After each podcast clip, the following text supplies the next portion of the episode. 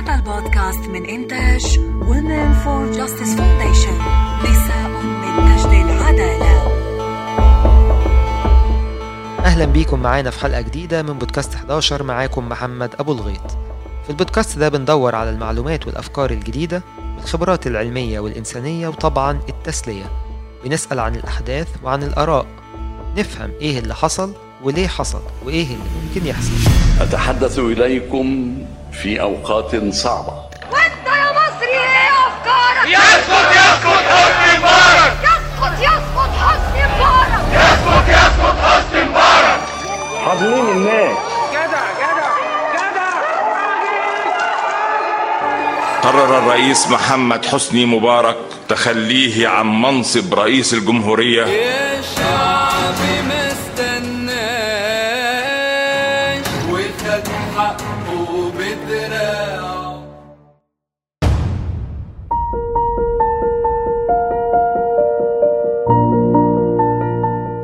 ضيفنا النهارده الصحفي والمدون والمصور حسام الحملاوي.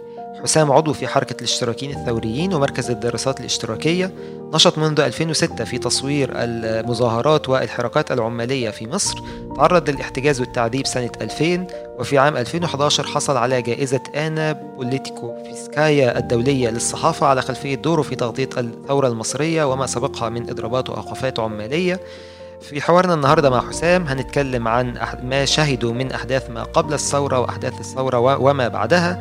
وهنتكلم أيضا عن المراجعات اللي هو شايف إنه هو أو إحنا مفروض نقوم بيها. أهلا بيك معايا يا حسام. أهلا يا محمد. أنا متشرف جدا بوجودي معاك النهارده. وأنا كمان والله. يعني أنا أنا يا حسام كنت لسه بتفتح كده وبعرف يعني إيه سياسة. وكان في حد كده اسمه حسام الحملاوي بيصور والصورة وعمل إيه. فأنا فعلا مبسوط إني معاكي. تسلم ده من ذوقك تسلم ربنا يخليك. يعني أنا مش عايز أقول لك سنه 2000 كان عندي كام سنة الحقيقة؟ أنا عرفت على فكرة أنت عندك كام سنة مؤخرا بس واتصدمت بصراحة. بس يعني اتصدمت بطريقة إيجابية يعني ما شاء الله يعني. تسلم ربنا يخليك. لا مخك يوزن بلد يعني. ربنا يخليك يا حسين تسلم حبيبي يا محمد.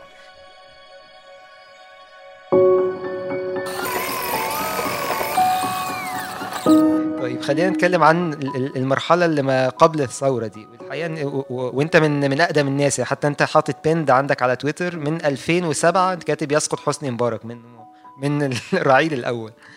آه، آه، لكن الحقيقة ال- المرحلة اللي هي قبل الثورة دي آه، واللي هي ممكن نأرخها من 2002 أو 2003 المظاهرات اللي حصلت في التحرير وكان غزو العراق والتفاضل الفلسطينية وما إلى ذلك الحراك كان بادئ من النقطة دي. يعني طول الوقت في كده جدلية شوية بين السلطة وبين المعارضة على تعريف السنوات دي واثارها ناس شايفة إن انفتاح الجزئي في السنوات الأخيرة لمبارك هو اللي تراكم تراكم أدى إلى اندلاع الثورة وحتى السلطة بتعمل مراجعة عكسية. إن إحنا لازم نضلمها خالص عشان لو فتحنا آه، هيحصل ده. في حاجة تانية لأ إن مبارك كان سايب أوجه تنفيذ كتيرة جدا وهي اللي خلته مشي الحياة ومشى 30 سنة. ولولا اللي حصل في 2010 والتعامل اللي حصل في أول 2011 لا كانت مشيت معاه. أنت شا- شايف إزاي دور السنوات الأخيرة في عصر مبارك؟ لا أنا من أصحاب الرأي الأول اللي هو كان في هامش والهامش ده تم انتزاعه. انتزاعه بتراكم من النضالات والمعارك الصغيرة والمعارك الكبيرة والناس اللي اتقتلت والناس اللي اتشردت والناس اللي اعتقلت. تراكم ناتج عن حملات إعلامية عن حملات حقوقية عن جبهات متحدة اتعملت على الأرض واتفكت بعديها عشان تنشأ جبهات جديدة. يعني كان في محطات كتيرة. آه، أنت يا محمد كنت لسه بتتكلم إن ممكن نبدأ نأرخ المرحلة دي من 2002 لكن أنا شايف إن إحنا نرجع سنتين كمان في الزمن لسنة 2000 وعشان أبقى أكثر دقة لأكتوبر 2000 يعني أنا دايما بحط شهر أكتوبر 2000 ده زي اللي هو قبل الميلاد وما بعد الميلاد يعني فاهم؟ اللي هو آه، كحاجة فارقة يعني. آه، 28 سبتمبر اندلعت الانتفاضة الفلسطينية. واندلاع الانتفاضة الفلسطينية ده غير ال- ال- المعادلة في مصر وفي المنطقة العربية. ودي من افضال دايما القضية الفلسطينية آه، آه، علينا. قبل أكتوبر 2000 الوضع السياسي كان حاجة وبعد أكتوبر 2000 الوضع السياسي بقى حاجة تانية خالص. آه، أنا بقول أكتوبر لأن المظاهرات بدأت فعلا تشتعل ال ال يعني أسبوع بعد ال الواقعه يعني آه، بتاعت اقتحام شارون يعني أو في أيام. فأنا بقول كده مع بدايات آه، أكتوبر. قبل قبل 2000 مبارك ما كانش سايب أي متنفس من أي نوع. انت كان عندك آه، حرب على الإرهاب آه، تم إعلانها في بداية التسعينيات وكالعادة اتسعت الرقعة بتاعت القمع آه، باسم محاربة الخطر ده فامتدت للإخوان المسلمين اللي هم اتشافوا إن دول المفرخه ال- المتطرفين وكل الجهاديين بيخرجوا من عباية الإخوان وان إن في تقسيم عمل ما بين الجهاديين وما بين الإخوان وطبعا يعني ال ال الحجج دي أو الأطروحات دي والارجيومنتس دي يعني مستمرة معانا لل- للنهاردة يعني. يعني فالناس القديمة اللي شهدت التسعينيات أنا بتوقع دايما منهم مواقف أكثر نضجا في التعامل مع ظاهرة الحرب على الإرهاب دي لكن للأسف كتير من الأصدقاء خذلوني يعني. هنرجع للنقطة دي آه، كمان شوية لكن ماشيين في المسار الزمني وصلنا لثورة يناير وان- واندلعت الثورة. و- والحقيقة في في- من الأيام الأولى للثورة حصل آه، تش- تشكلت من ناحية ائتلاف شباب الثورة وتشكلت أشكال من التنظيمات وحصل جدليات حول إيه سقف المطالب. الاشتراكيين الثوريين كان ليهم آه، آه، بيانات بتطالب العمال بالإضرابات العامة. آم، الحقيقة ان طول الوقت في جدلية تعريف الطبقي للثورة واللي نزلوا دول هم شباب الطبقات الو- الوسطى المتعلمين اللي دخلوا الإنترنت. صفحة كلية خالد سعيد ولا لأ هم فئات من المناطق الشعبية. العمال دي دورها إيه؟ ال- الموضوع ده شفته إزاي؟ ومش مش بس كرأيك يعني. أنتوا في في الوقت ده تعاملتوا إزاي مع اللي حاصل في وقت الثورات يعني ال- الثورة هو فعل شعبي بالتعريف فمعنى إن في عندك ثورة معناها إن في قطاعات واسعة من المجتمع آه، آه، بتشارك في الثورة دي. القطاعات دي بتتحرك بمستويات مختلفة برتم مختلف بإيقاع مختلف بطرق مختلفة آه، فال يعني حتى اليمين ليه مقولة شهيرة يعني اللي هو اللي مستني ثورة خالصة اللي هو العمال واقفين في ناحية رافعين يافطة إحنا العمال والرأسماليين واقفين الناحية الثانية رافعين يافطة إحنا الرأسماليين. عمرك ما هتشوفها. ف فثورة يناير هي الحقيقي لو عايز تبص على الميدان الميدان كان فيه تقريبا كل الشرايح من المجتمع المصري. وده دليل تاني إن على وقت الثورة يعني على وقت 2010 2011 قطاع واسع من المجتمع المصري ويتضمن ذلك أجزاء من النخبة المصرية كانت حاسة باغتراب تجاه النظام.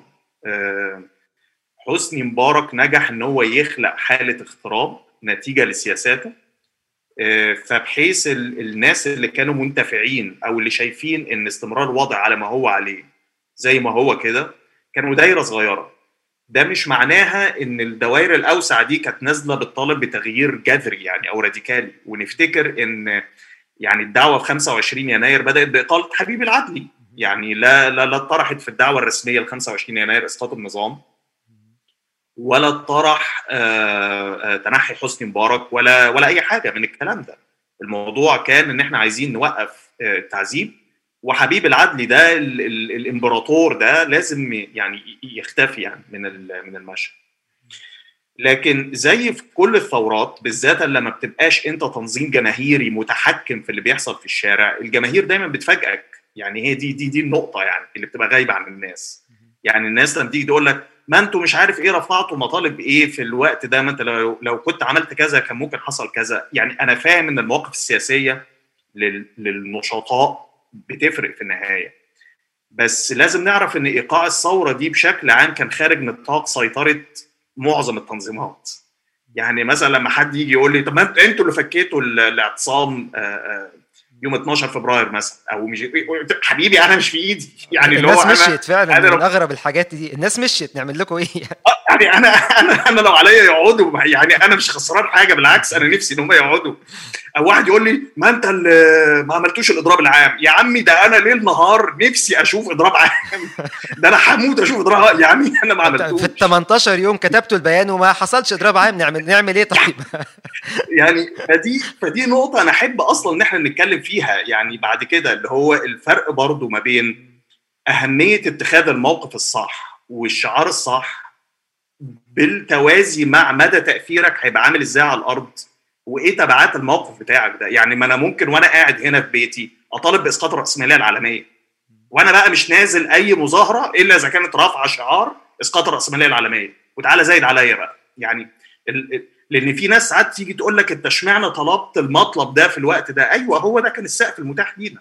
يعني لو ك... لو إحنا كنا نقدر كقوة سياسية إن إحنا نعبأ أو نحشد عشان خاطر مثلا استمرار الاعتصام أو استمرار الإضراب في في سين موقف أو صاد موقف أو إن إحنا نرفع شعار أقصى في حاجات تانية كنا رفعناها. بس ما هي الفكرة ما هو اللي بيرفع شعار ما هو لازم ينفذه.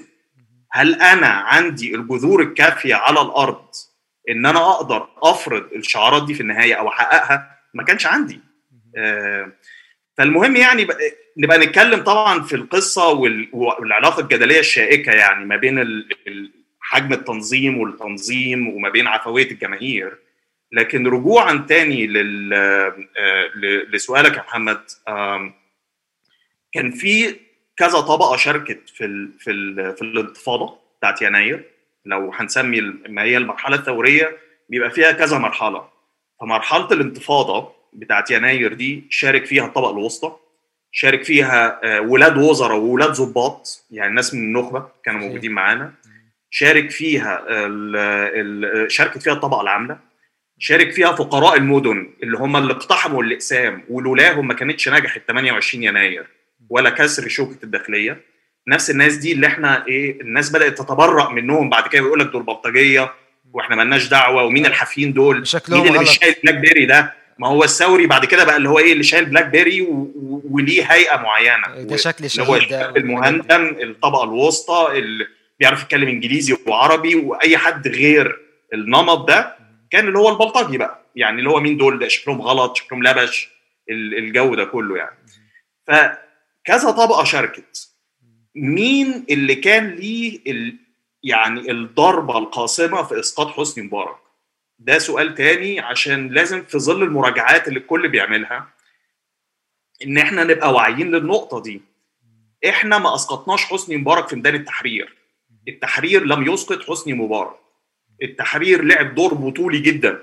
في الحشد لعب دور بطولي جدا. في الثورة كان أيقونة كانت كل الأنظار بتاعت الميديا عليه آه ولكن الإضرابات العمالية اللي بدأت لما أحمد شفيق أخذ القرار يوم 5 فبراير إن هو يعيد فتح المصالح الحكومية والبنوك والشركات و و انت يعني طبعا كل الناس فاكرة البلد كانت قافلة قبل 5 فبراير ومش قافلة بمزاج الناس هي قافلة بمزاج الحكومة كان إضراب من أعلى يعني الحكومة هي اللي قفلت. كل حاجة وقال لك إن في انفلات أمني وإحنا الجيش نزل فيعني إيه ما فيش حاجة هتفتح يعني. فلما فتحوا المصالح يوم 5 فبراير الناس خدت التحرير على شركاتها خدت التحرير على مصالحها الحكومية خدت التحرير على البنوك خدت التحرير في, في, في كل حتة. فالإضرابات الضخمة اللي حصلت من من يوم 6 فبراير وانت طالع لحد 10 فبراير دي اللي أجبرت المجلس العسكري إن هو يخلص من حسني مبارك.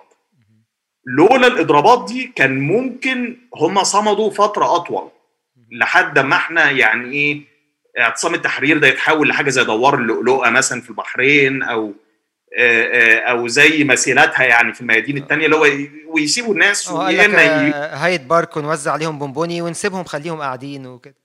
خليهم بقى يصطفلوا يعني فاهم؟ اللي هو هناك يعني على رأي إخواننا الشباب. ف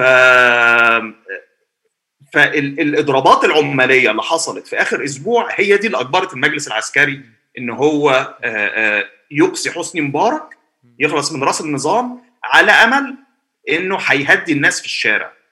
ومش مصادفة إن بعد سقوط حسني مبارك أول حاجة عملوها يا جماعة أول حاجة يعني هما بيقولوا بسم الله الرحمن الرحيم إن هم حطوا قانون ضد الإضرابات والاعتصامات. وكانت ال- الوسائل الإعلام ليل نهار شغالة ضد الإضرابات الفئوية. المطالب الفئوية.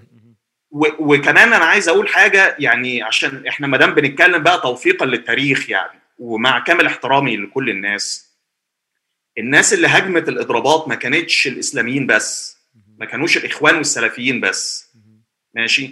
إن مثلا أنا أفتكر للدكتور عمرو حمزاوي إن من أول المبادرات اللي طلعها بعد سقوط حسني مبارك إن إحنا هنعمل مجموعات من شباب الثورة نبعتها المصانع عشان نقنع العمال إن هم يفكوا الإضرابات بتاعتهم لأن دي إضرابات فئوية.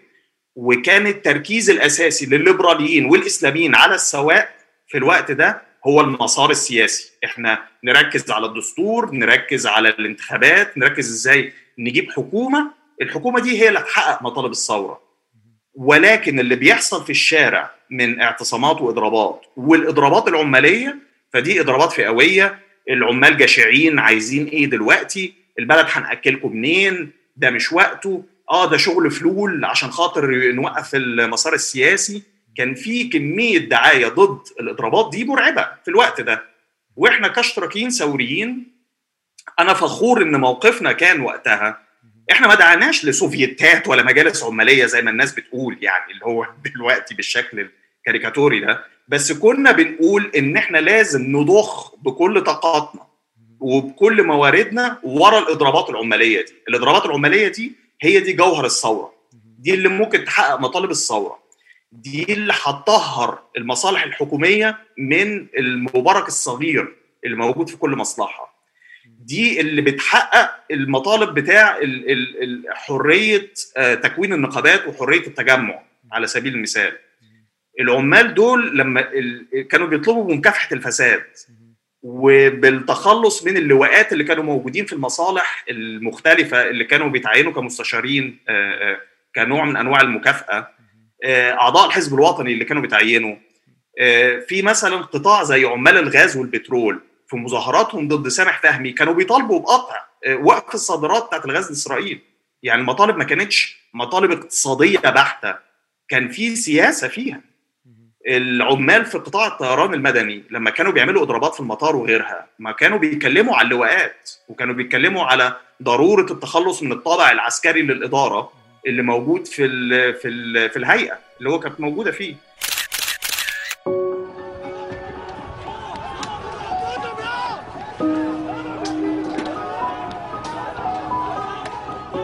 أنا هرجع تاني معاك كمان شوية لم- لموضوع الجدلية بتاعت ال- إن كان ممكن يكون في وقت ما الحركات الجماهيرية عكس المسار السياسي ولا داعمة للمسار السياسي انك أكيد عارف مش بس في مصر بشكل عام في تاريخ الثورات إن أحيانا ال- الحراك الجماهيري ده بي بي بي- بيؤدي انهيار المسار السياسي وانهيار التحول الديمقراطي مش مش العكس. وساعات بيبقى هو داعمه برضه.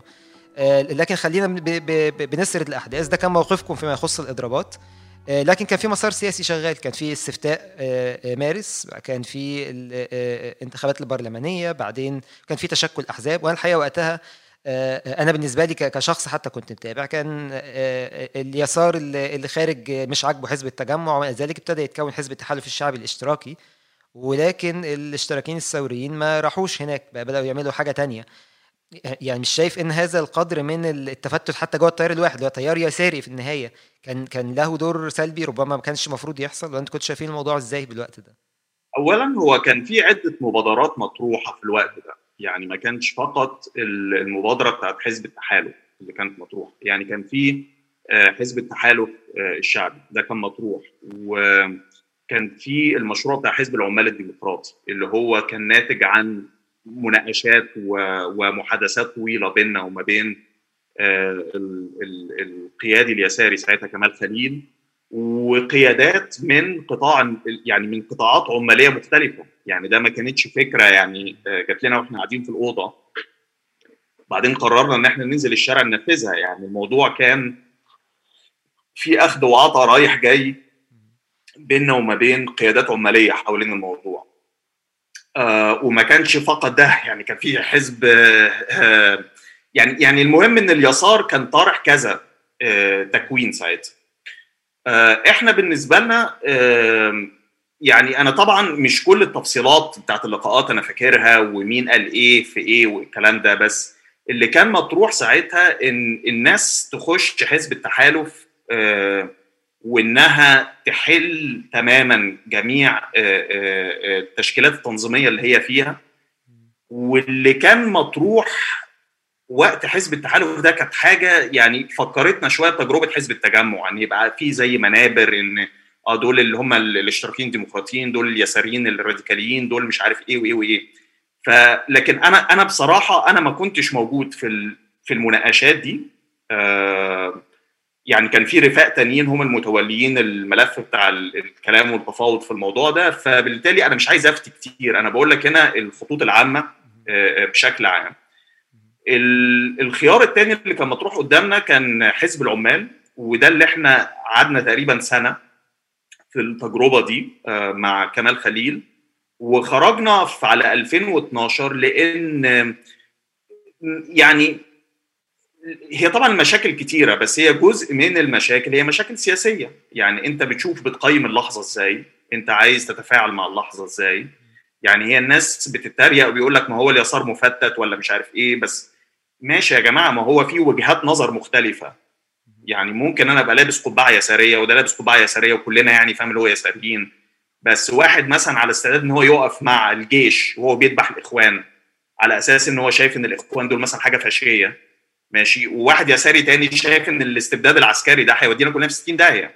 ده موقف وده موقف. ده موقف ممكن يخليك تقف في قارب الثورة المضادة وده موقف يخليك تقف في خندق الثورة. في يساريين وقفوا مع شفيق قصاد مرسي على أساس شفيق اللي هو ال- ال- الممثل الرسمي للثورة المضادة. ده المرشح الرسمي ليها. ماشي. على أساس إن آه لا نجي- نجيب شفيق بس ما نجيبش ال- اللي بتقول دول. يعني في ناس كده كانوا يساريين منهم ناس بالتجمع منهم ناس في الشيوع المصري. و- وانتوا عملوا دا. دائما كان عندكم مواقف مختلفة عن كده ودعمتوا تولي آه، آه، الرئيس آه، الراحل مرسي صوتوا له آه، آه، ضد شفيق. آه، لكن آه، بعد مجرد ما تولى أنا فاكر كان في بيانات قوية جدا ضد الإخوان المسلمين وضد ال- السلطة الرأسمالية للإخوان التي تستمر في نفس الخط وكلام من هذا ال- القبيل. أنتوا ساعتها كنتوا شايفين وضع سلطة الإخوان إيه؟ ال- اليسار المصري تاريخيا فيما عدا بعض الاستثناءات يعني كان بيشوف إن الإسلاميين دول عبارة عن كتلة فاشيه رجعية. ان إن دي كده كتلة ظلامية كلها على بعض دول ناس من القرون الوسطى دول ناس عملاء للفاشية آه، دول آه، صورة أخرى للفاشية دول عملاء لل آه، للنظام هدفهم الأول والأخير هو قمع الحريات وكبتها. نظرة ما تفرقش كتير عن نظرة الليبراليين برضو لل- للإسلاميين والمتدينين بشكل عام. اللي هو هتلاقيها في أفلام آه، وحيد حامد يعني يعني وعادل إمام. اللي هو الإسلامي ده اللي هو الشخص الراجعي المؤمن بشوية أساطير ال- المكبوت جنسيا آه، ال- اللي هو عايش حياة كلها نفاق فاهم؟ هو مع نفسه. في صورة كده يعني رسمتها السينما المصرية والثقافة الشعبية المصرية ال- ال- الناتجة عن جهاز الإرشاد اللي اسمه ماسبيرو يعني اللي موجود عندنا. واللي هو ما تفرقش عن النظرة بتاعت الليبراليين عن النظرة بتاعت ال- اليساريين ليهم إحنا شايفين الإسلاميين بطريقة مختلفة. يعني إحنا مش بنشوف إن الإسلاميين كويسين أو وحشين يعني القصة مش مش اللي هو مش أبيض وأسود يعني. إحنا بنشوف إن الحركة الإسلامية عبارة عن حركة فيها تناقضات إنها حركة بنسميها حركه مالتي كلاس إنها آه، آه، إنها مكونة من عدة طبقات. بتلاقي فيها خيرت الشاطر اللي هو رجل الأعمال المليونير اللي عنده آه، مصالح ومصانع و و والكلام ده كله. وبتلاقي فيها عم محمد أو عم أحمد اللي هو عامل في مصنع. وممكن تلاقي فيها واحد مزارع. وممكن تلاقي فيها دكتور طبقة وسطى ممكن تلاقي فيها واحد صيدلي واحد مهندس والكلام ده. لما يبقى عندك فيها. لما يبقى الحركة عندك فيها عدة طبقات ده معناها إن عند أي موقف بتيجي تاخده بتلاقي إن في تناقضات. ماشي؟ يعني مثلا يا محمد لو نرجع ل 2012 في عز الخناقات 2012 و2013 بتاعت العلمانية والشريعة والتيار المدني والإسلاميين والكلام ده. لو كنت رحت حشد من الحشود اللي حصلت اللي هو من أجل دعم الشريعة اللي كانوا عملوها الإخوان واسأل واحد أي حد منهم أنت مع تطبيق الشريعة ولا لأ؟ هيقول لك آه طبعا أنا مع تطبيق الشريعة. طيب أنت لو سألت مثلا خيرت الشاطر يعني يعني أو واحد من الكاليبر بتاع خيرت الشاطر وحسن مالك والطقم ده أنت الشريعة بالنسبة لك إيه؟ هيقول لك الشريعة يعني تجارة حرة يعني آه، ما اسرقش العامل بتاعي بس اللي هو في فقراء وفي أغنياء آه، إن آه، يعني ما يبقاش في النقابات المفروض ما تعملش اضرابات طول الوقت عشان عجلة الإنتاج وننتج الخير فاهم للمجتمع. هيتضمن سياسات نيو ليبراليه لأن حرام ما نكلفش الحكومة مش عارف إيه دعم ما يستحقوش مش عارف اللي هو مين. حزمة سياسات نيوليبرالية ما تختلفش أي حاجة والله عن ساويرس. يعني أنا دايما بقول إن ساويرس ال so pragmatic براجماتي جدا إن إن حقيقي هو مع ناس زي خيرت الشاطر والكلام ده. لو كانت القصة مشيت كان ربى دقنه عادي يعني ما فيش مشاكل يعني. ف لكن روح اتكلم بقى مع عم محمد أو عم أحمد اللي هم عمال في مصنع واللي كانوا بيحضروا اللي هي الجمعات بتاعت الشريعة دي أنت عايز شريعة؟ آه هيقول لك آه عايز شريعة. شريعة يعني اساله يعني إيه شريعة؟ هقول لك الشريعه يعني يعني اخد حقي. يعني يبقى فيه تأمين. يعني اتثبت في الوظيفة. يعني يبقى عندي نقابه تمثلني يعني ما ترميش أنا وعيالي في الشارع. يعني يبقى عندي كذا كذا. اللي هو أنت بتتكلم على social package كده package كده من الامتيازات الاجتماعية اللي هو بينادي بيها أي حزب إصلاحي اشتراكي موجود فاهم؟ اللي هو في أوروبا يعني. يعني ما بتفرقش كتير عن الموضوع ده. أنا هنا مش بحاول أقلل من الجانب الأيديولوجي للموضوع على الإطلاق. أنا مش بحاول أقول إن الأفكار ملهاش أي وزن على الإطلاق. لكن اللي بقوله إن الإسلاميين بالنسبة لنا مش كتلة واحدة. إن في عندك ناس زي خالد الشاطر بس في عندك ناس زي العمال اللي كانوا بيتفصلوا من شغلهم في إضرابات 2012 2013 ومرسي كان رئيس وكانوا من الإخوان. يعني جزء من ال ال ال ال الناس اللي كانت بتيجي للمحامين الاشتراكيين الثوريين العماليين عشان يرفعوا لهم قضايا في 2012 2013 كان في عمال إخوان بيجوا مفصولين من وظائفهم.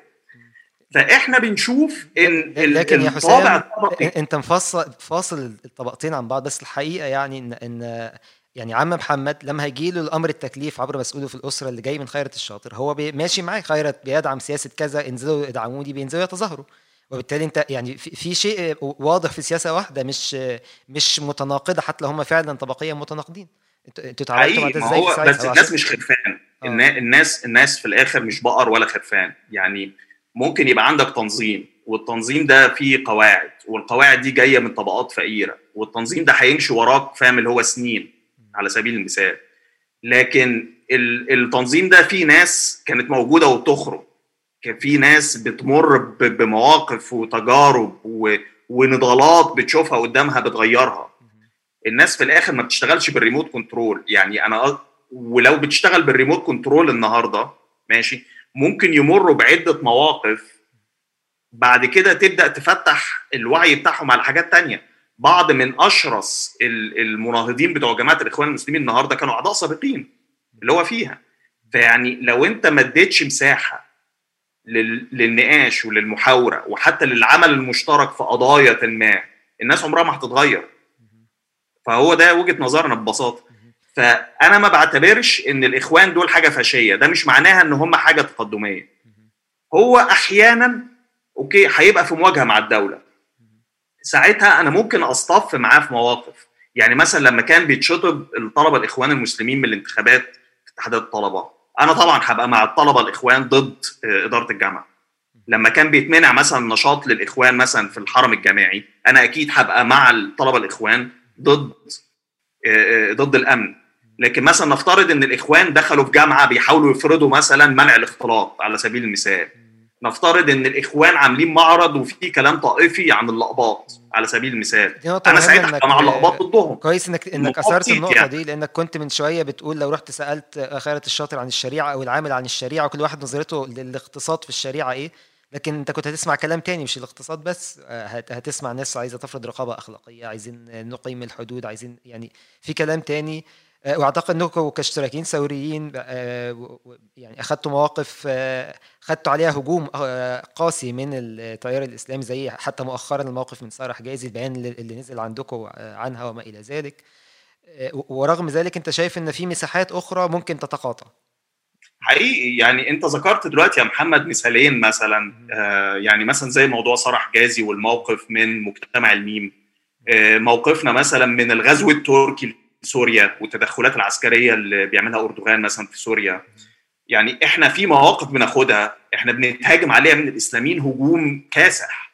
لكن في نفس الوقت الناس اللي هي بتقعد تتهمنا إن إحنا بنتملق الإسلاميين ولا إحنا متدينين الإسلاميين ما بيشوفوش المواقف دي. بيشوفوا بس آه ما أنتوا مش عاجبك إن السيسي يقبض عليهم أو إن أنت مع حرية عملهم السياسي أو ما أنتوا اللي صوتوا مش عارف اللي هو المرسي فاهم اللي هو إمتى. الناس بتبص على الحاجات دي وبتنسى في الآخر إن ما هي ما هو في باكج يا جماعة. أنا من الأول أنا سياستي واضحة جدا. أنا شايف إن الدولة ماشي هي العدو. ال... لو بنتكلم عن الرجعية الدولة هي مصدر الرجعية. ماشي يعني أنا ضد الرجعيين وح... وهقف ضد المواقف الرجعية. الدولة هي مصدر ال... الرجعية. أنا ضد الطائفية. ولما الإخوان المسلمين يقولوا أي نوع من أنواع الخطاب الطائفي أنا هبقى ضدهم بس في الآخر ما هي الطائفية دي متمأسسة ليه؟ ما هي متمأسسة في الدولة. فبالتالي أنا أحيانا مع الاسلاميين لكن دايما ضد الدولة طيب أنا عايز أنزل تاني لتفاصيل بعض الأحداث الحقيقة إن أنتوا قبل الثورة كان الاشتراكيين الثوريين ليهم زي ما كنت بتحكي تقاطعات مع الإخوان في الجامعات في حركات معينة تحديدا الحملة ضد ال- المحاكمات العسكرية الاشتراكيين الثوريين كانوا موجودين فيها؟ عدت بقى السنين قدام وصلنا لنقطة إنه آه، آه، جريدة الحرية والعدالة بتهاجم الاشتراكيين الثوريين. البلاغ اللي اتقدم آه، ضدكم آه، محامي الإخوان أعتقد كان آه. اسمه تاج الدين. آه بالظبط كده.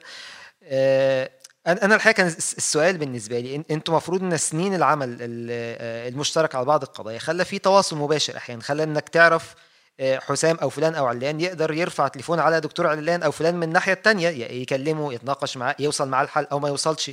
هل هذا ال- ال- الشكل من التواصل كان موجود وخلال سنة مرسي وما إلى ذلك ولا هو كان قطع خالص بقى القطيعة كانت تمت؟ ال- القطيعة تمت قبل وصول أو يعني مع وصول مرسي لل- للحكم. آه، وأنا بقول الكلام ده بكل أمانة يعني. يعني إحنا إحنا ما عندناش أي حاجة نخبيها أو أو نخاف منها يعني. إحنا موقفنا في النهاية كلها معلنة.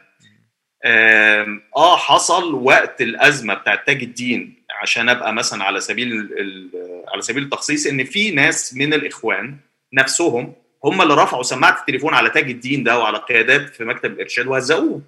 يعني أنا عارف الكلام ده يعني بعض الأسماء دي للأسف أنا على الأقل عارف اسم منهم هو في السجن حاليا فمش هذكر اسمه يعني. بس آه الناس اللي هي اشتغلت معانا السنوات اللي قبليها دي هي كانت السبب إن تاج الدين يسحب البلاغ بتاعه.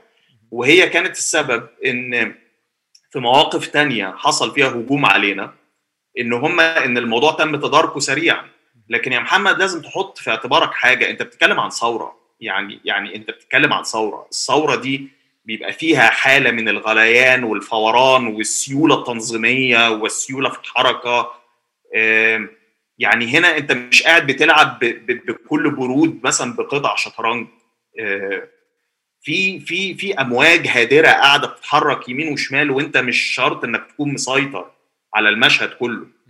آه، حتى في أكثر التنظيمات حديدية يعني حتى في وقت الثورات الموضوع ده بيحصل سيولة تنظيمية رهيبة. يعني يعني دي من قراءاتي عبر التاريخ. في الثورات المختلفة وفي الأزمات السياسية المختلفة في البلدان المختلفة.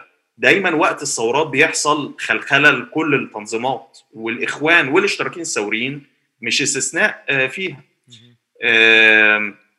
علاقتنا أو يعني التنسيق ما بيننا وما بين الإخوان هو أصلا كان منتهي حتى من صيف آه، 2011 يعني من بعد اللي هي ال- الجمعة اللي حصلت بعد تنحي حسني مبارك واللي هي شارك فيها كل التيارات السياسية. بعد كده ما يعني خف التواصل وبعد كده انتهى تماما. آه، يعني تقريبا على صيف كده 2011 يعني تقريبا من, من- مايو اللي هي موقع الإخوان سماها جمعة الوقيعة وبعدين شبابهم اتفصلوا اللي كانوا موجودين في الائتلاف والتفاصيل اللي حصلت في وقتها. قطع يعني. على آه. على الأوقات دي. يعني هو بص الموضوع ما تمش بتر يعني بمنطق اللي هو صحينا يعني من النوم في يوم قلنا خلاص لا إيه ده, ده مفيش كلام مع الإخوان. يعني هي الموضوع احتكاكات احتكاكات احتكاكات شغالة. فاللي هو على الصيف كان القصة خلاص انتهت مفيش تواصل. لكن وقت ال- الجولة الثانية بتاعت الانتخابات لما الجيش أعلن آه، لما الجيش عمل حركة كده يعني اتفهم منها إن هو ناوي يقوم بانقلاب آه، لو تفتكر الأيام دي اللي في صيف 2012 الإعلان الدستوري. فإحنا مثلا إحنا من القوة اللي نزلت مثلا التحرير آه، ضد تحرك الجيش وضد التبطيه القضائيه وضد ال- ال- المهازل اللي كانت هتحصل دي وقتها.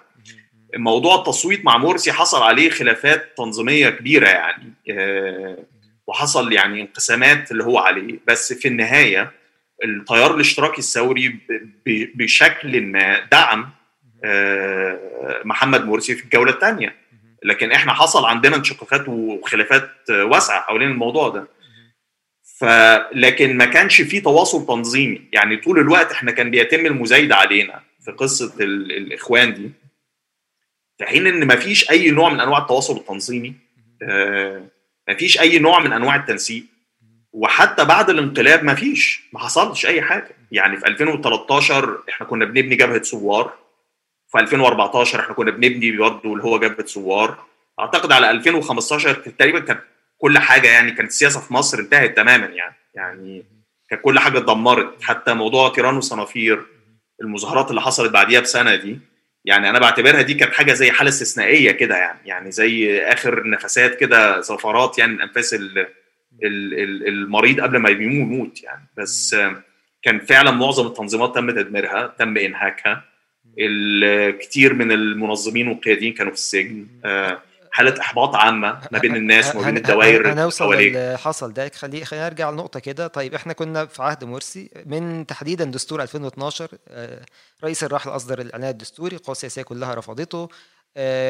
اللجنة الدستورية انسحب منها تقريبا كل الممثلين بتوع التيار المدني وأزهر والكنيسة. وبعدين في الآخر الموضوع مشي على كده. ومن هذه النقطة تقريبا تقريبا حصلت المفاصلة. وبعد شوية اتكونت جبهة الإنقاذ. الحقيقة الاشتراكيين الثوريين ما كانوش في جبهة الإنقاذ. لكن بعدين وصلنا إلى 30 يونيو. قبل ما نشوف حتة نقطة 30 يونيو دي لكن أنتوا في, في الوقت ده وقت الدستور وقت الانقسام التام الإسلامي العلماني ده بين بين قوسين كنت كنت شايف القصة دي إزاي؟ وهل كان كنت شايف إن في جهود ممكن. لإيجاد حل ما ولا الموضوع كان قفل خالص يعني؟ بص في موضوع جبهة الإنقاذ أنا عندي شهادة بس يعني للتاريخ أنا أحب إن أنا أذكرها يعني إن أنا بنفسي أنا اللي مبلغ قيادي جبهه الإنقاذ إن إحنا مش هننضم للجبهة. يعني الكلام ده على لساني أنا تم إرسال الرسالة دي لجبهة الإنقاذ. مع كامل احترامنا ومودتنا و... و... والشخص القيادي ده اللي أنا بتكلم عليه هو للأسف هو في السجن دلوقتي فمفيش داعي لذكر اسمه. لكن أنا أنا فاكر أنا قابلته في وسط البلد في وسط القاهرة وقعدت معاه قعدة اللي هو طويلة وبلغته في النهاية اعتذاري أو اعتذار الاشتراكيين الثوريين. وكان مأخذنا الرئيسي على القصة هو موضوع التحالف مع الفلول.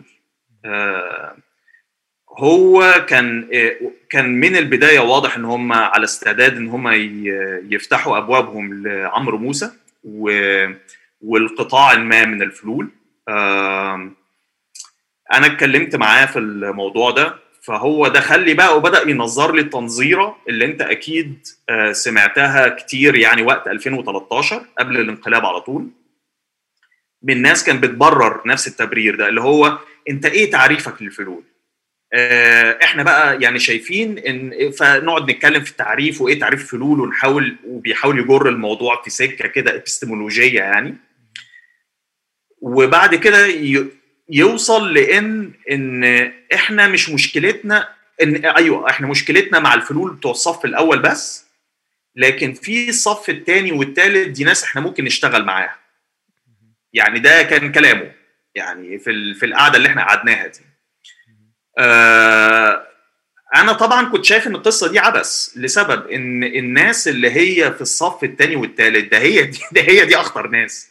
دي هي دي الناس اللي هي ماسكة الماكينة فعلا. يعني الماكينة بتاعت الحشد الماكينة بتاعت شبكات البلطجة الماكينة بتاعت الفساد الماكينة بتاعت لم الفلوس الماكينة بتاعت السيطرة ده هي هم دول بتوع الصف الثاني والثالث فأنا فأنا بلغته ان, إن إحنا مش هنقدر إن بنتمنى لهم يعني التوفيق بس قصة الفلول دي هتبقى أزمة فإحنا مش هنخش جبهه الإنقاذ. في حالة السعار اللي كان شغال في مصر ساعتها والاستقطاب اللي هو كان استقطاب إسلامي علماني أو الناس الناس بتتكسف في مصر من كلمة علمانية زي ما أنت عارف. فبيقولوا بيدلعوها بيقولوا إيه؟ مدني. آه ودي حاجة من الحاجات اللي أنا أصلا يعني مش مش متحمس لها قوي بس أنا يعني بستخدم كلمة مدني دي لأن ده المصطلح الشائع يعني. بس لازم يعني نكون محددين شوية في ألفاظنا يعني. فأنا كنت شايف إن ده كارثة. الاستقطاب على أساس إسلامي علماني. أنا كنت شايف إن هو كارثة إن آه طبعا يعني قضية الحريات بشكل عام مهمة. والإسلاميين في ملفات كتيرة ليها علاقة بالحريات موقفهم غير مشرف على الإطلاق. آه، ولكن لو عملنا الاستقطاب إسلامي علماني فده معناه إنك أنت بتفتح الباب هنا لقطاع واسع من الفلول المحسوبين على التيار المدني. إن هم يخشوا. آه تاني حاجة يعني ال ال لو إحنا حن يعني لو هي ده الاستقطاب بتاعنا بشكل عام أنت في قطاع واسع من الشعب المصري أنت هنا كده أنت بتستعديه بالشكل ده بمعنى. يعني القيادات عمالية كتيرة من من اللي كنا بنتعامل معاها مثلا وكانت بتقود اضرابات رهيبة. وفي حالة من الحالات القيادات العمالية دي كانوا اعتصموا في المصنع وكمان اداروه ذاتيا بعد هروب المستثمر. مش هذكر اسم المصنع دلوقتي طبعا عشان ما أوقعش الناس في مشاكل. أنا خمنته يعني بس مش آه يعني هو الحقيقة هو كان كذا مصنع وكذا مستثمر يعني بس ده كان واحد منهم يعني من الناس اللي هربت وهم اداروه بنفسهم الكلام ده. القيادات هناك كان كلها سلفيين. القيادات العمالية هناك كانت كلها سلفية. من النوع في المصنع بيديروا المصنع ولا كأنه كوميونة. بيخرجوا هم متدينين جدا. والتيار السياسي اللي هم كانوا فاتحين كلام معاه في الأول وكانوا منتسبين ليه تاريخيا هو التيار السلفي. اللي حصل بعد الثورة لما الناس دي بدأت تقول لك الإضرابات دي معصية ومن الله ومش عارف إيه وكانت دعايات السلفيين والإسلاميين بشكل عام ضد الإضرابات كانت قوية جدا. الناس دي كانت بتحضر عندنا في مركز دراسات الاشتراكيه الناس دي كانت بتتعامل مع الاشتراكيين ومع الماركسيين عادي يعني ما كانش عندهم أي أزمة إن هم يتعاملوا معانا. وكنا بنفتح كلام في السياسة معاهم وعلى المواقف السياسية مش بس بنتكلم في في في العيش وبنتكلم في مرتبات والأجور والكلام ده. فاللي هو لو أنت هتقول لي إسلامي علماني أنت بتقفل لي أصلا الباب للنقاش حوالين الموضوع ده. يعني يا حسام أنت برضه بتتكلم على ممكن أسميه مستوى مايكرو مع العمال دول اللي في المصنع ده. ممكن يعني في الآخر شخص لشخص أو مجموعة لمجموعة ده مصلحتهم المباشرة يتعامل ده منطقي. لكن إحنا بنحكي على المستوى الأوسع على المستوى السياسي. يعني تحديدا دستور 2012 كان ال ال الأزمة اللي فجرت الموضوع إن إحنا نحط حزب النور عايز يحط المادة المفسرة مادة 219 باين وعايز يحط حرية بما لا يخالف إيه. فهي دي النقطة تحديدا اللي حصل فيها المفاصلة. فانت كان المفروض يحصل إيه؟ يعني لو انت بإيدك الخيار يحصل يتعمل إيه؟ يعني اولا إحنا إحنا من الناس اللي نزلنا مظاهرات 2012 يعني اولا يعني أنت بتتكلم مع حد أنا بنفسي ما أنا نازل أنا كنت في اشتراكات الاتحادية. يعني يعني أنا حضرتها أنا عارف ده بس فبسألك بشكل عام لو عايز تتجنب الاستقطاب العلماني أنا الإسلامي تعمل إيه؟ أنا بس اديتك المثال بتاع العمال ده على سبيل المثال كحاجة ملموسة مثلا من من واقع التجربة يعني. يعني بدون الكلام فاهم اللي هو الكبير عن الشعارات لكن بشكل عام انت لو عاوز توجه عام أنا كان توجهي يبقى ان إحنا نعمل استقطاب على أساس طبقي استقطاب على أساس اجتماعي استقطاب على أساس أهداف الثورة فاهم اللي هو المعلنة استقطاب على أساس إنك بتحدد ال ال 1 2 3 4 الأهداف اللي هي اتحطت في التحرير وقت 18 يوم وتعمل الاستقطاب على أساسها. فوالله هتلاقي جزء من شباب الإخوان ماشي اللي نزلوا محمد محمود غصب عن قياداتهم فاهم اللي هو في النهاية. واللي كانوا متواجدين في بعض الاشتباكات في 2011 و2012 إن رغم إن قيادة التنظيم كانت ضد ال ال الاشتباكات دي وضد المواقف دي هتلاقي هتعرف تستقطبهم. فبالتالي الهجوم على مقرات الإخوان بالمولوتوف في 2012 أنا كنت ضده. أنا كنت ضده. أنا بقول اهجموا على الإخوان بالمطالب الاجتماعية فين مطالب الثورة. ماشي؟ أنتوا ليه واقفين ضد كذا كذا كذا؟ ليه واقفين ضد كذا كذا كذا؟ ليه واقفين ضد كذا كذا كذا؟ ان إحنا نبدأ نطرح لهم القضايا اللي هم بياخدوا مواقف خاينة بيها. لكن ما نقلبهاش استقطاب إسلامي علماني لأنك هتلاقي ناس من جمهور الإسلاميين نفسهم مش عاجبهم اللي بيحصل.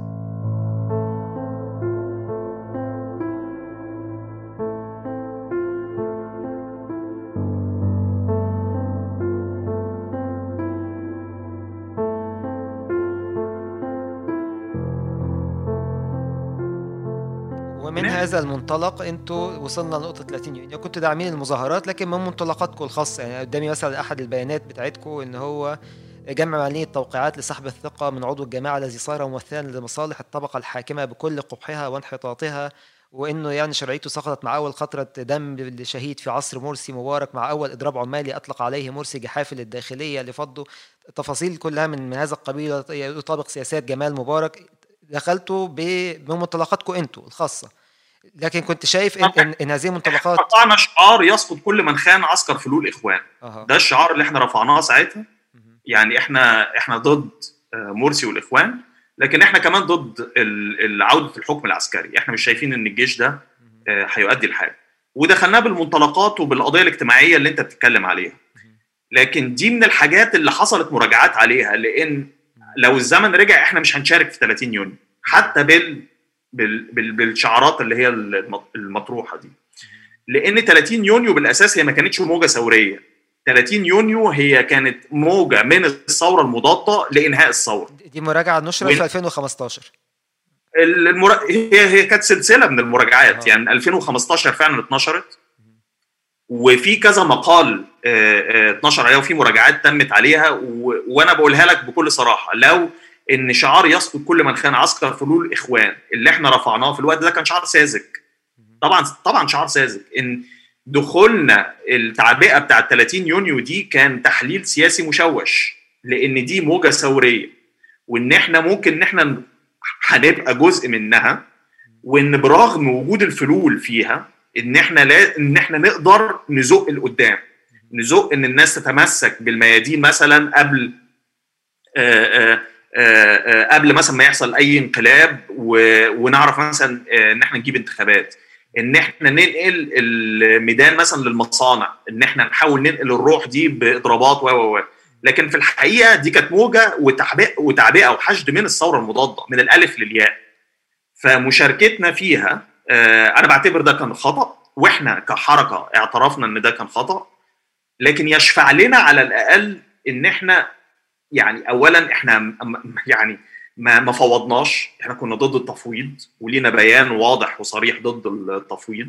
إحنا وقفنا ضد مجزرة رابعة. في الوقت اللي كل فصائل اليسار بلا استثناء بلا استثناء كانت موقعة على بيان أين الفض. وبتتهم الحكومة إنها حكومة الأيادي المرتعشه عشان أنتوا سايبين ال- الإخوان والفاشيين دول والراجعين الظلاميين قاعدين في رابعة العدوية. خلينا لهنا ننهي الجزء الأول من لقائنا يا حسام أنا بشكرك على ال- التفاصيل وعلى ال أقول إيه يعني الشجاعة اللي بتتكلم بيها. وخلينا بعد فاصل قصير نعود ونواصل ونتكلم أكتر عن آه، مراجعات للمراجعات. الحقيقة المراجعة اللي أنت بتحكي عنها نفسها في ناس آه، أنت أكيد عارف إن في نقاشات ومراجعات عليها أيضا. نلتقي بكم بعد فاصل قصير. انتظرونا.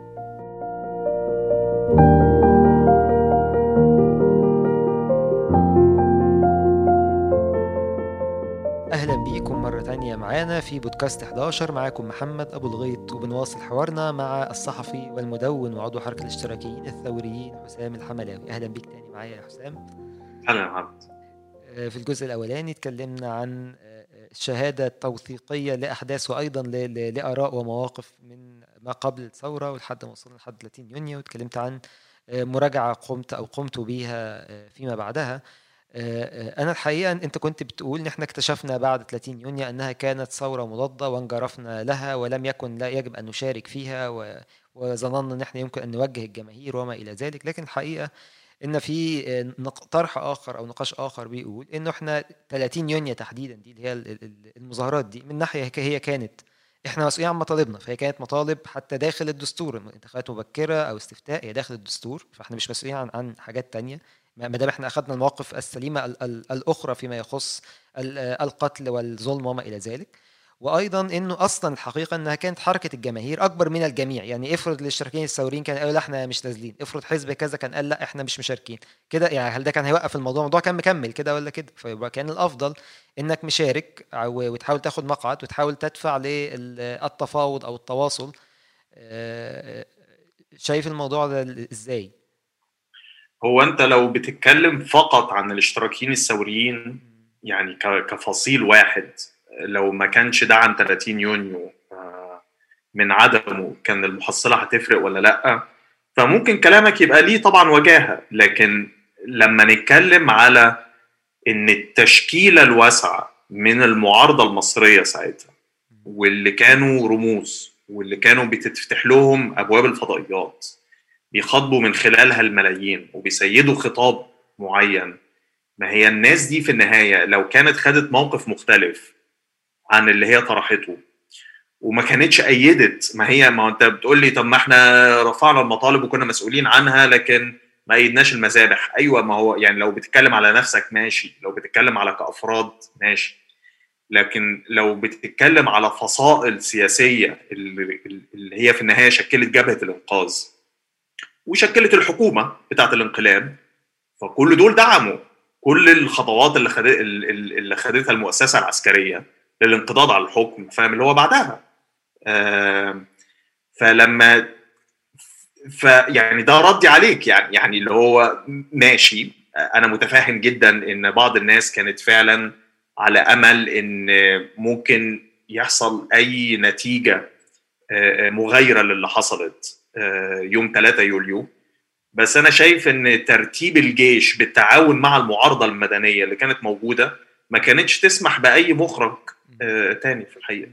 أنت شايف إن كل اللي حصل لحد ما وصلنا للنقطة دي النهارده اللي هي 2021 كان حتمي كان لازم ده يحصل بالشكل بالشكل ده ولا كان قبل أثناء الثورة التفاوض مع المجلس العسكري مثلا ربما كان يوصل لطريقة مختلفة التعامل مع الإخوان ممكن يوصل لطريقة مختلفة حتى حكومة ما بعد 30 حكومة الببلاوي ربما لو تعاملت بشكل أكثر كفاءة واستغلت وعظمت مواقع قوتها كان الموضوع ممكن ينفع. يعني يعني هل المشكلة في التفاصيل في الأداء في في حاجات كان ممكن تكون أحسن وأداءات ممكن تكون أفضل وخيارات ممكن تكون أفضل؟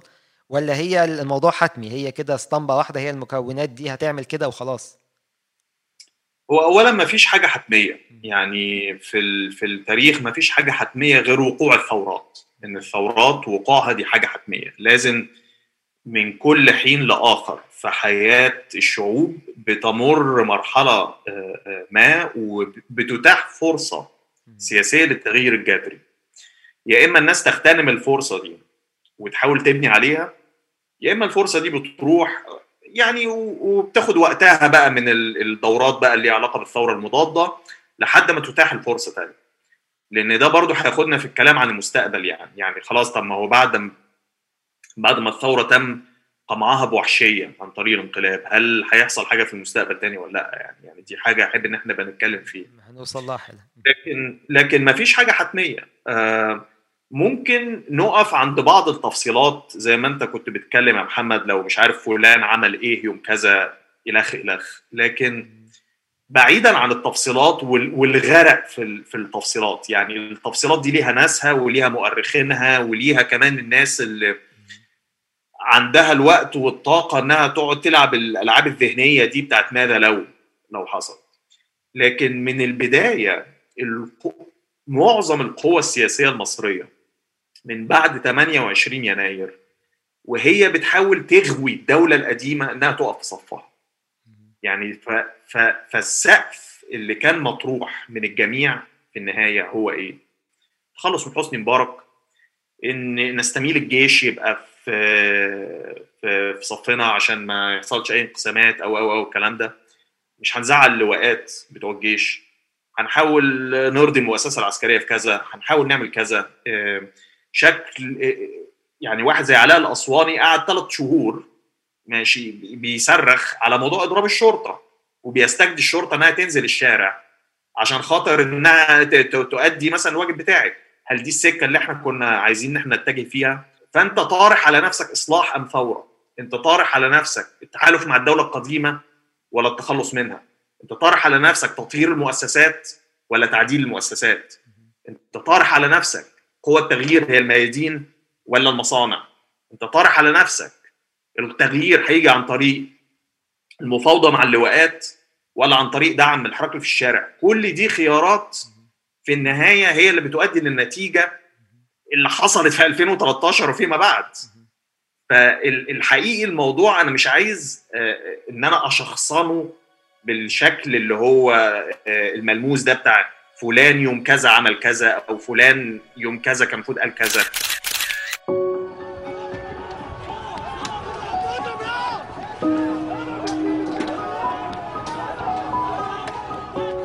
أنت بتتكلم عن رؤية استراتيجية ودي حاجة يعني منطقي إن إحنا نطرحها. اتكلمت عن موضوع التفاوض وما إلى ذلك. والحقيقة تحديدا دي نقطة التفاوض مع المجلس العسكري 2012 أو التفاوض بعدين مع المؤسسه العسكريه 2013 أو أو أو, أو بشكل عام التفاوض مع النظام القديم. الحقيقة إن آه، في طول الوقت رؤية بتقول إنه هذا النظام موجود وله قاعدة شعبية كمان ومتجذر. وإحنا في في ملايين المصريين ذهبوا في انتخابات نزيهة ليصوتوا لأحمد شفيق وتقريبا نص المصريين صوتوا له فعلا.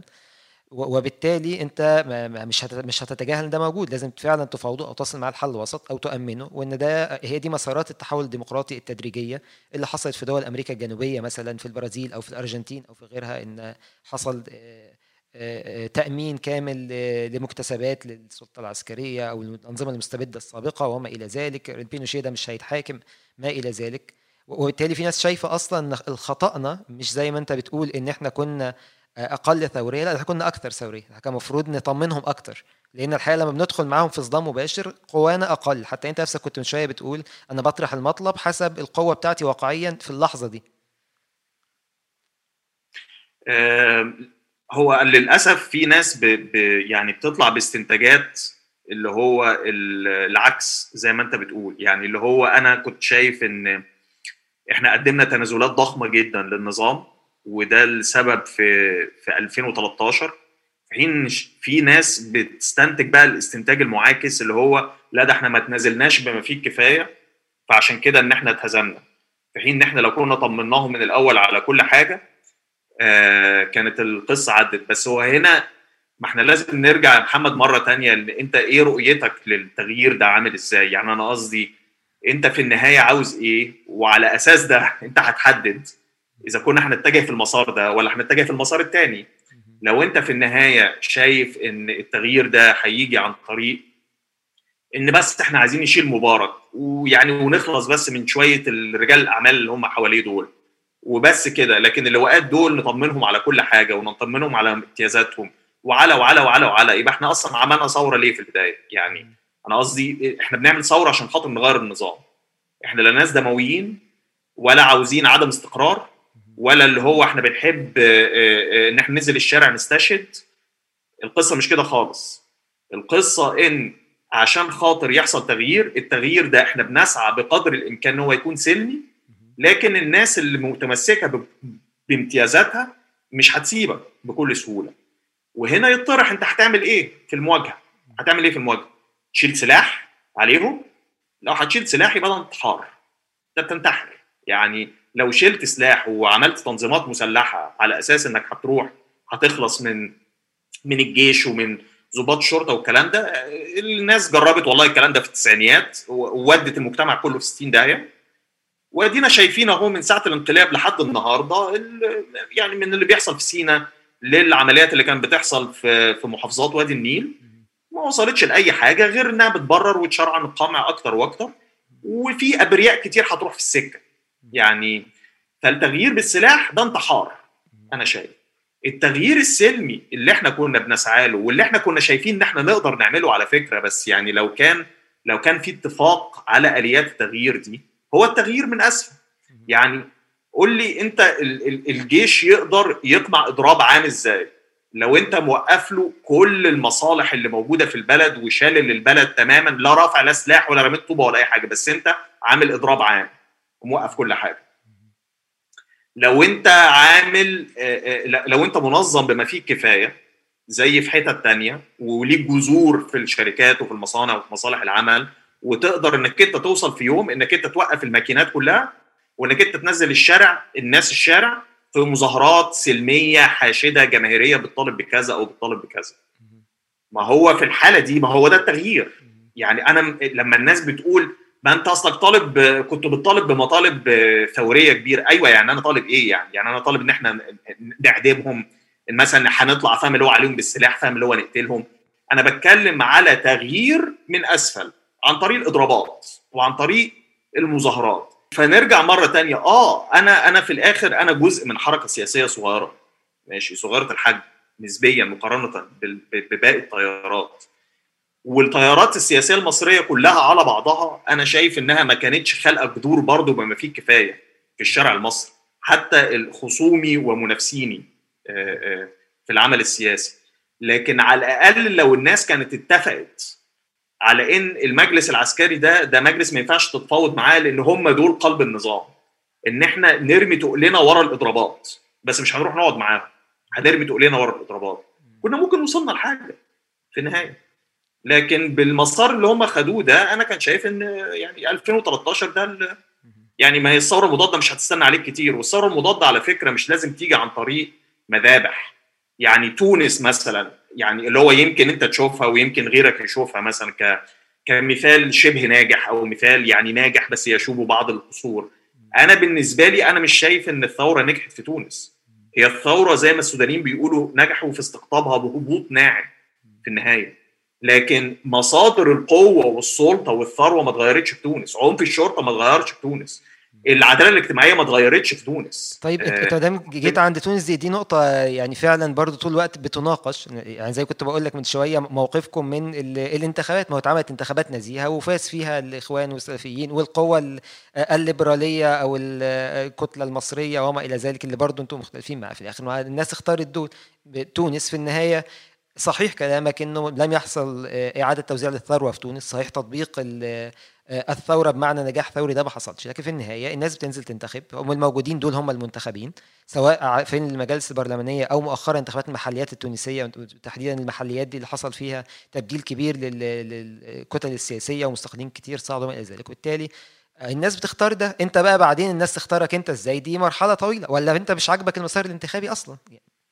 ما هي ما هي المسار الانتخابي في النهاية بيتم عبر سياق برضه يعني بيحصل في السياق. يعني بمعنى طب ما هو مثلا الأمريكان شايفين إن غزو العراق مثلا نجح لأن حصل انتخابات اللي هو أنا رحت هناك وعملت لي انتخابات صحيح دمرت البلد كلها.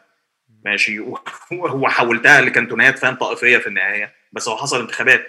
إيه إيه المشكلة يا جماعة؟ طب ما هي تجربة ناجحة أهي. القصة في النهاية مش انتخابات والناس راحت صندوق ان- انتخبت. يعني أنا من الحاجات وده لي علاقة برضو بالمراجعات يعني. يعني أنا من الناس اللي هي كانت كانت ضد المسار الانتخابي في 2011 يعني أنا مثلا كنت مع مقاطعة الانتخابات البرلمانية بتاعت نوفمبر آه، آه، 2011 وبشكل عام أنا كنت من النوع دايما اللي هو المتشكك من أي مسار انتخابي. لكن أنا لو رجع الزمن أنا مش هقاطع المسار الانتخابي إلا لو في بديل في الشارع موجود حاليا. يعني أنا ممكن أتعذر في موقف نوفمبر على أساس إن في انتفاضة كانت شغالة موجودة في ميدان التحرير وفي شارع محمد محمود. لكن لو ما فيش ال- البديل الثوري مطروح في الشارع فأنا مع المشاركة في أي انتخابات. ولو في انتخابات بتحصل أنا هروح أشارك فيها. ماشي؟ أنا هقول لك حتى لو انتخابات مثلا فاسدة زي الانتخابات اللي فاتت البرلمانية معظم الناس يقول لك أنا أنا هقاطع. أنا في الحقيقة أنا بقول لك مع الانتخابات الفاسدة اللي هي موجودة في مصر أنا مع إن الناس تشارك. ماشي؟ أي نوع من أنواع الهامش اللي أنت ممكن تتخانق عليه وتوسعه وتكسب فيه حريات اتكل على الله فاهم اللي هو فيه. الناس اللي بتقول لك أنا ما ما قاطعش اللي هو أنا أنا مقاطع لحد سقوط النظام يعني ماشي. يعني أنا قصدي الصندوق برضه هو جزء من المعارك اللي بتحصل. فدلوقتي والله أنا لو أنا كنت مسيطر على زمام الأمور فلنفترض المثال ده إن حسام ومحمد وأحمد وفلان وعلان كانوا بيقودوا حزب جماهيري ثوري في آه، عشرات الالاف أو مئات الآلاف من الكوادر متواجدين في معظم الأحياء الفقيرة ومتواجدين في الأحياء العمالية ليهم تواجد في المصانع ليهم تواجد في الجامعات. لو أنا كنت بالزخم اللي هو الكبير ده أنا كنت ممكن أقول لك إن بعد 28 يناير كنت هزق في سكة ملهاش علاقة في السكة اللي هي اللي موجودة دي. لكن لو أنا تنظيم صغير ولقيت إن اعتصام التحرير اتفك واللي مطروح قدامي ماشي هو المسار السياسي اللي هو 1 2 3 4 ومفيش أي مقاومة في الشارع فاهم اللي هو ضده فأنا هروح أشارك فيه. يعني أنا أنا مش ضد المشاركة فيه. مراجعة مهمة. آه، يعني ودي حاجة كمان لازم الناس تفهمها إن دي دي دي في اس أصلا الفكر اليساري في النهاية. يعني يعني اليمين كان حتى بيشجع ال- الرفاق بتاعه إن هم يشاركوا في انتخابات جمعيات دفن الموتى. يعني حتى لو انتخابات جمعيات دفن الموتى روح شارك فيها. أي مساحة أي هامش للعمل السياسي روح شارك فيه. فوالله أنا سعيد إن الإخوة التوانسة ما مروش بال بال بالمحنة بتاعتنا إحنا والسوريين مثلا وإن ما حصلش المجازر. ومش بحاول أقلل من المكتسبات والنضال بتاعهم لكن اللي أنا بقوله إن السقف اللي أنت كان ممكن توصل له بانتفاضة ثوريه كان ممكن يبقى أعلى من كده بكتير. لكن اللي حصل إن بيتم امتصاص اللي هو الغضب ده وتوجيهه في منحى معين. آه، هم كانوا أكثر حظا مننا بصراحة وجزء منها إن هم كانوا أكثر تنظيما مننا وأكثر ذكاء مننا. يعني الاتحاد التونسي للشغل حتى لو الواحد بيختلف مع بعض المواقف اللي هو بياخدها بس في النهاية ده كان عندك جسم نقابي موجود في ال... في معظم أماكن العمل يقدر يوقف لك ال- ال- البلد في يوم وبقرار على عكسنا إحنا مثلا يعني بص على الإضراب العام اللي إحنا حاولنا ننظمه في 11 فبراير 2012 واللي هو فشل فشل ذريع. أيام ما كان الإخوان بيقول لك شغلني مكانه ومش عارف إيه والحملة اللي هي المضادة اللي طلعت عليه. بس هو الحقيقة حتى لو الإخوان ما, ما- كانوش وقفوا ضد محاولتنا لتنظيم إضراب عام هو الحقيقة إن المحاولة الفاشلة دي كشفت لنا قد إيه إن لسه جسم النقابي المستقل اللي كنا بنحاول نبني فيه ما ضربش بجذوره بما فيه الكفاية. مش يعني جايز حبيبي مش جايز يا حسام انت النقد ده أكيد وصل لك برضو إنه ربما ده إسقاطات لحالات دول أخرى ومراحل تاريخية أخرى على بلدنا. ما يمكن ده مش هينفع ابدا في مصر ما يمكن لا ظروفنا ولا المرحله التاريخية اللي إحنا فيها دلوقتي فيها ينفع ان يبقى طول الوقت الخط اللي في- اللي في بالك أو اللي في بالكم هو ان في لحظة ما هنعمل إضراب عام ويبقى فيه الحزب العمالي الضخم وما إلى ذلك. أنا أنا مش شايف إن الكلام ده صحيح. يعني أنا قصدي في النهاية ال- الضربة القاصمه في تونس جت لما الاتحاد التونسي للشغل دخل على خط الصراع. في مصر ال- المجلس العسكري اضطر إن هو يخش ويزيح حسني مبارك بعد أسبوع كامل من الإضرابات اللي هو كان أقوى إضرابات شهدتها مصر من سنة 1946 يعني تاريخ مصر نفسه حافل بالنضال العمالي وبالإضرابات وبالنضال اليساري يعني على آخر 200 سنة يتكتب عنها أساطير. آه والله. فالواحد مش اللي هو قاعد بيقرأ حدوتة أو كتاب تاريخ وبيحاول يطبقه فاهم اللي هو من مصر. ما أنا قدامي نماذج كبيرة وتجارب كبيرة من ثورات ناجحة وثورات فاشلة. ومن وجهة نظري أنا بحاول إن أنا أوصل لحلول ملموسة من الواقع المصري في النهاية.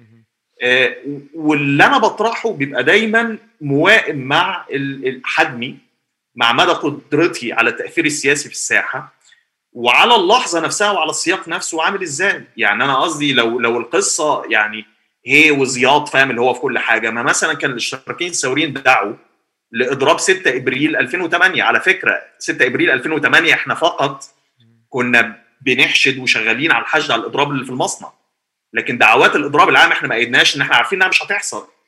لأن ما فيش أي نوع من أنواع الجذور اللي موجودة عند المعارضة المصرية اللي هتبقى موجودة في المصانع والشركات تقدر توقف لك ال- البلد في يوم.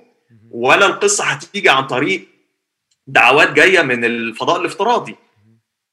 فالموضوع هنا مش إن أنا في دماغي في نموذج اللي هو الثورة البلشفية وعايز أطبقه على مصر بأي شكل من الأشكال. هو الحقيقي أنا تراثي اللي أنا بنتمي له هو ترا- تراث أي نضال ضد الاستبداد موجود على كوكب الأرض ده في آخر 2000 سنة. ده اللي أنا بستفيد منه دروس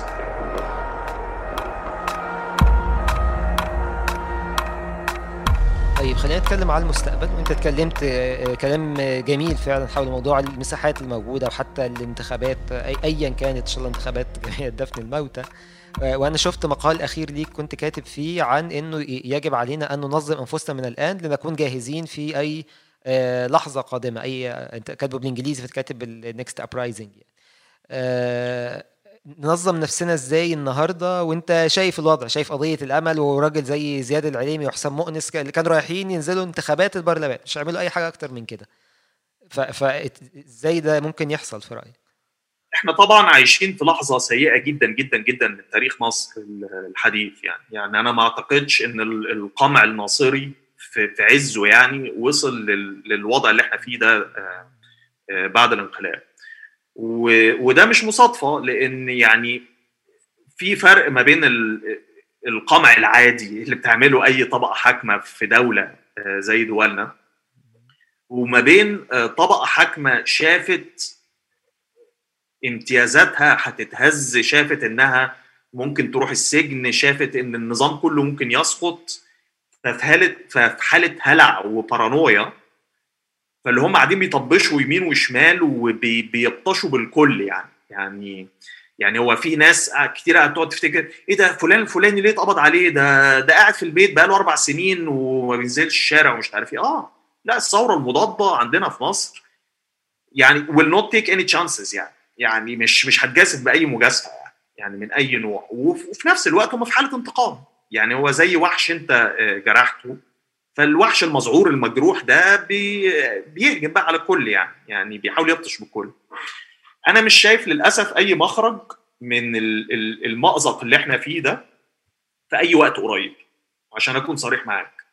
آه، لأن في ناس مع كل بادرة أمل زي مثلا مظاهرات سبتمبر بتاعت 2020 وسبتمبر 2019 آه، المظاهرات المتفرقة اللي بتحصل حوالين آه، الإزالات آه، ال- الإضرابات العمالية اللي على فكرة بتحصل. يعني يعني هو ال- ال- الشبكة العربية لمعلومات حقوق الإنسان على فكرة بتطلع تقرير شهري.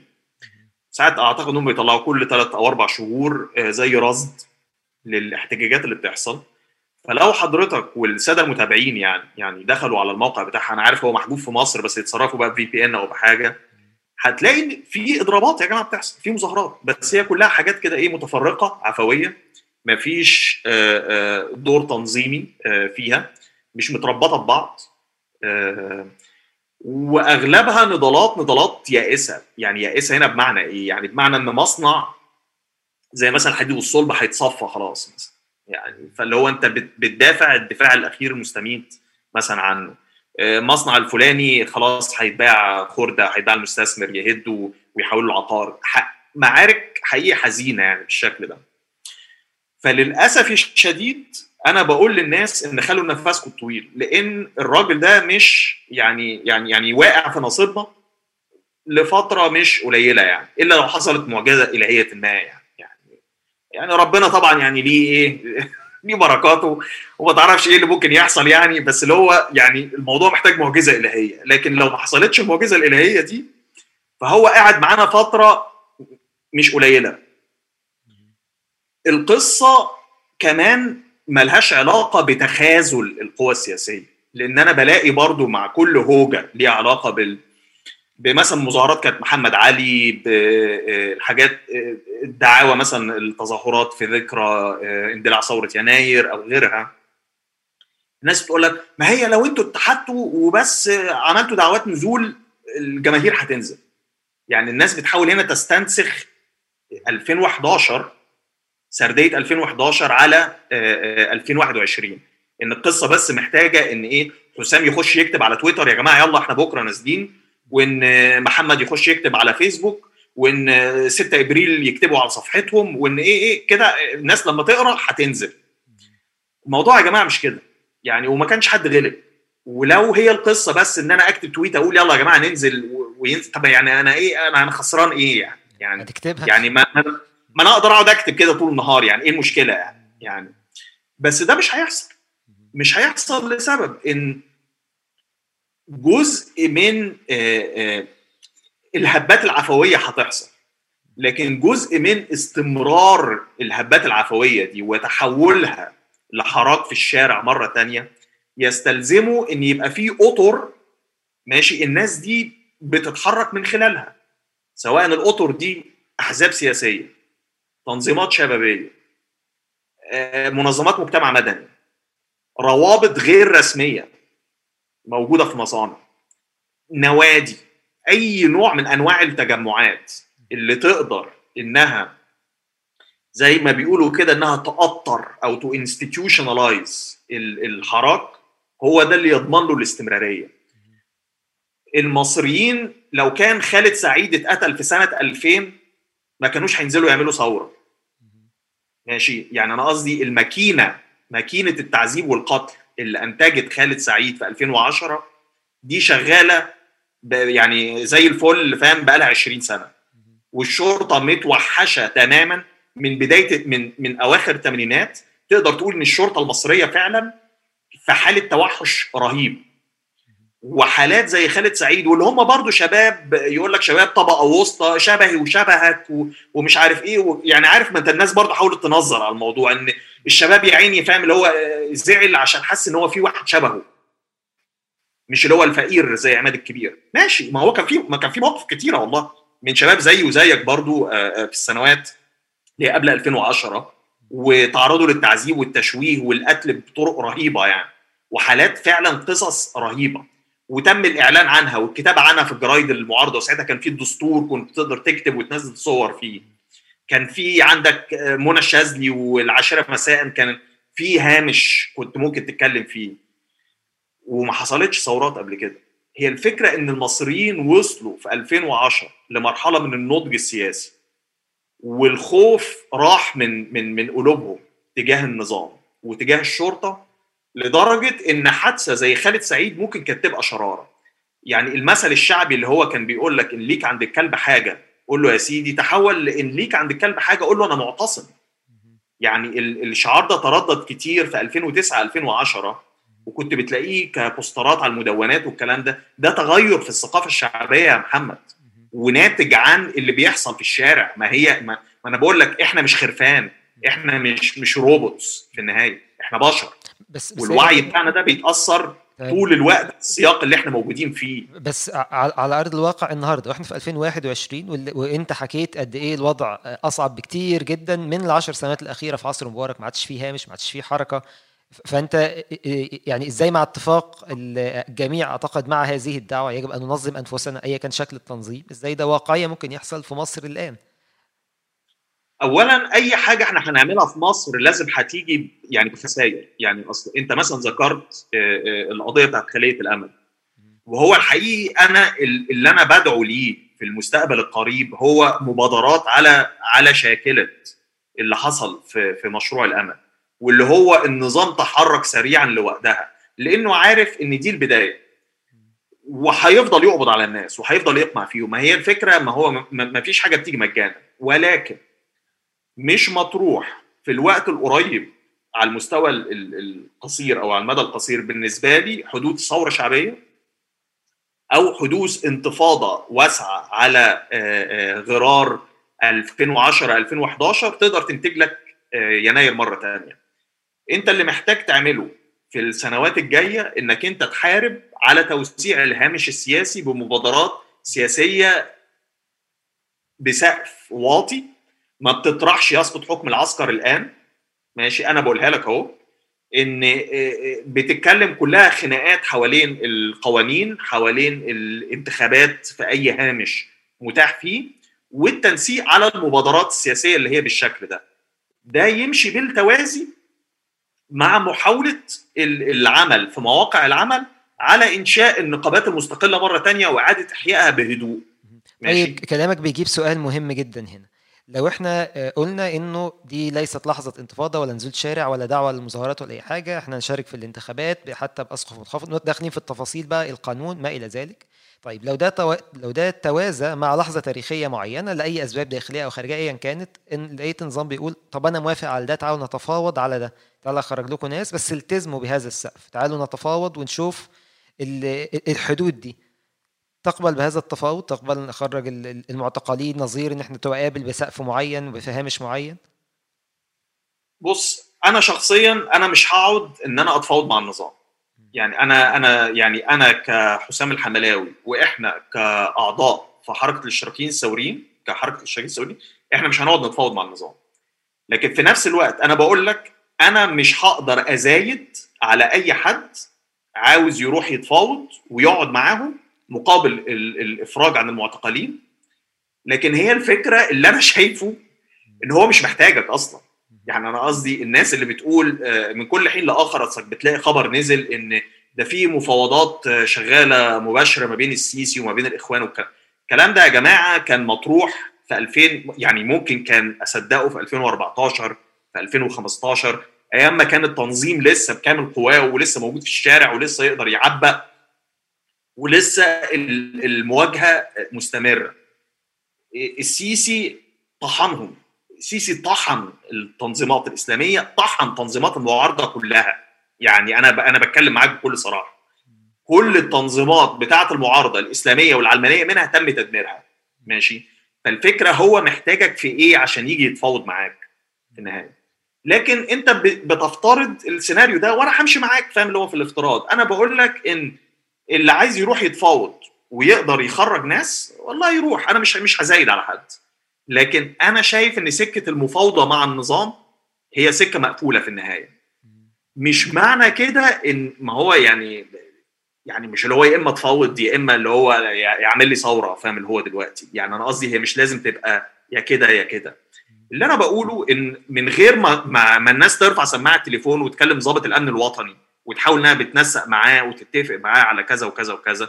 والله أنا مش عارف ما تعملش كده. اطرح مبادرة سياسية والسقف بتاعها بيبقى معروف. هيبقى عامل إزاي؟ 1 2 3 4 وحاول إنك أنت تعبأ على قدره.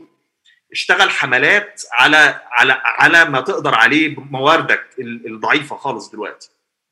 لكن أي حديث عن ثورة أو تغيير النظام فورا أو يسقط حكم العسكر فورا دلوقتي أنا مش شايف إن ده وارد. أنا كحد عايش بره مصر حاليا أنا أقدر أتكلم براحتي. ماشي؟ لكن الناس اللي جوه في مصر ما عندهمش نفس المساحة دي إن هم يتحركوا فيها. فطبعا الكلمة الأخيرة لأي حد هو موجود في مصر إنتوا عايزين تتحركوا في أي هامش وإيه حجم المخاطرة اللي إنتوا تقدروا تخاطروها لكن أنا ما أقدرش أحدد دلوقتي الخطوط للناس اللي جوه مصر عاملة إزاي. أنا استمتعت فعلا بهذا السرد اللي بيثير الأفكار فعلا معاك يا حسام. عايز في النهاية أختم معاك بالعودة ليك كمصور. الحقيقة أنت صورت صور كتير حتى كتير منها غير سياسية خالص. أنت مؤخرا كتبت حاجة عن ال visualization اللي هو الصورة يعني.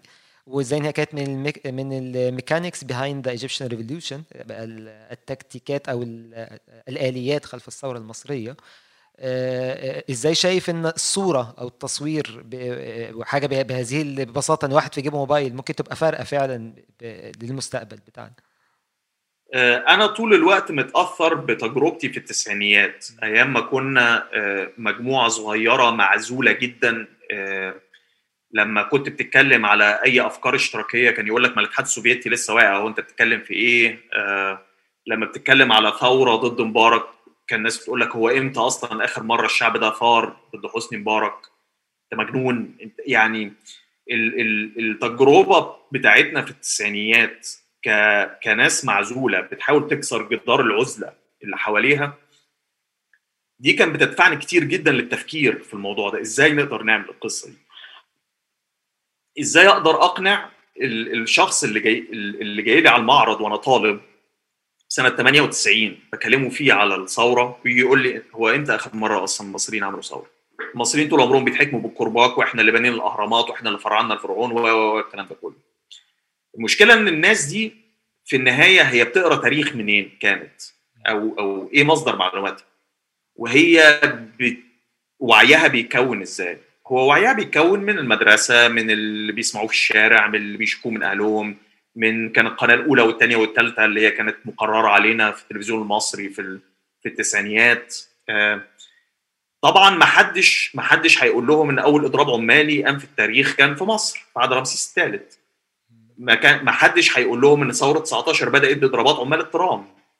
ما حدش هيكلمهم عن إضرابات سنة 1946 ما حدش هيقول لهم أي حاجة عن 77 غير إنها انتفاضة حرامية. فأنا كنت شايف إن أفضل طريقة لتثوير الشعب هو عن طريق الصورة. إنك أنت بتقول لهم إيه تاريخهم عامل إزاي تاريخهم النضالي عامل إزاي؟ أو بتديهم أمثلة لنضالات بتحصل في نفس الوقت في مناطق تانية وبتنقل الروح دي بتاعتها عن طريق الصور ليهم. بمعنى آخر إزاي تخلق تأثير الدومينو؟ ده اللي أنا كنت مهموم بيه طول الوقت. وشفت إن أفضل طريقة لخلق تأثير الدومينو هو عبارة عن الصورة. بمعنى كفاية حركة كفاية مثلا من 2004 ل 2006 أكبر مظاهرة لكفايه كان فيها بضع آلاف وكانت في سبتمبر 2005 وكان في وضع استثنائي جدا إن هو كان في انتخابات وحسني مبارك عايز يبان إن هو بيعمل انتخابات فيعني كان مخفف القمع ساعتها شوية. لكن معظم مظاهرات كفاية كان بيبقى فيها 20 نفر 40 نفر 200 1000 فاهم اللي هو بالكتير يعني.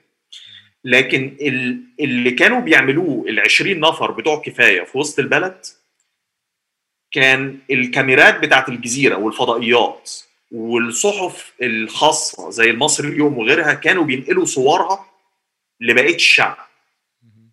فده من وجهة نظري إن الصورة لعبت دور في تثوير الشعب عن طريق الفيجوالز اللي كانوا بيشوفوها المرئيات اللي كانوا بيشوفوها. يعني أنا مثلا لما آه، آه، ال- القيادات بتاعت الإضرابات العمالية لما أنا قابلتهم في 2007 و2008 و2009 أنا كنت دايما بسألهم أنتوا كنتوا فين في 2004 2005 2006 أيام كفاية؟ فمعظمهم كان بيقول لي إحنا كنا في البيت وبنتفرج على المجانين اللي كانوا بيحرقوا صور حسني مبارك في وسط البلد.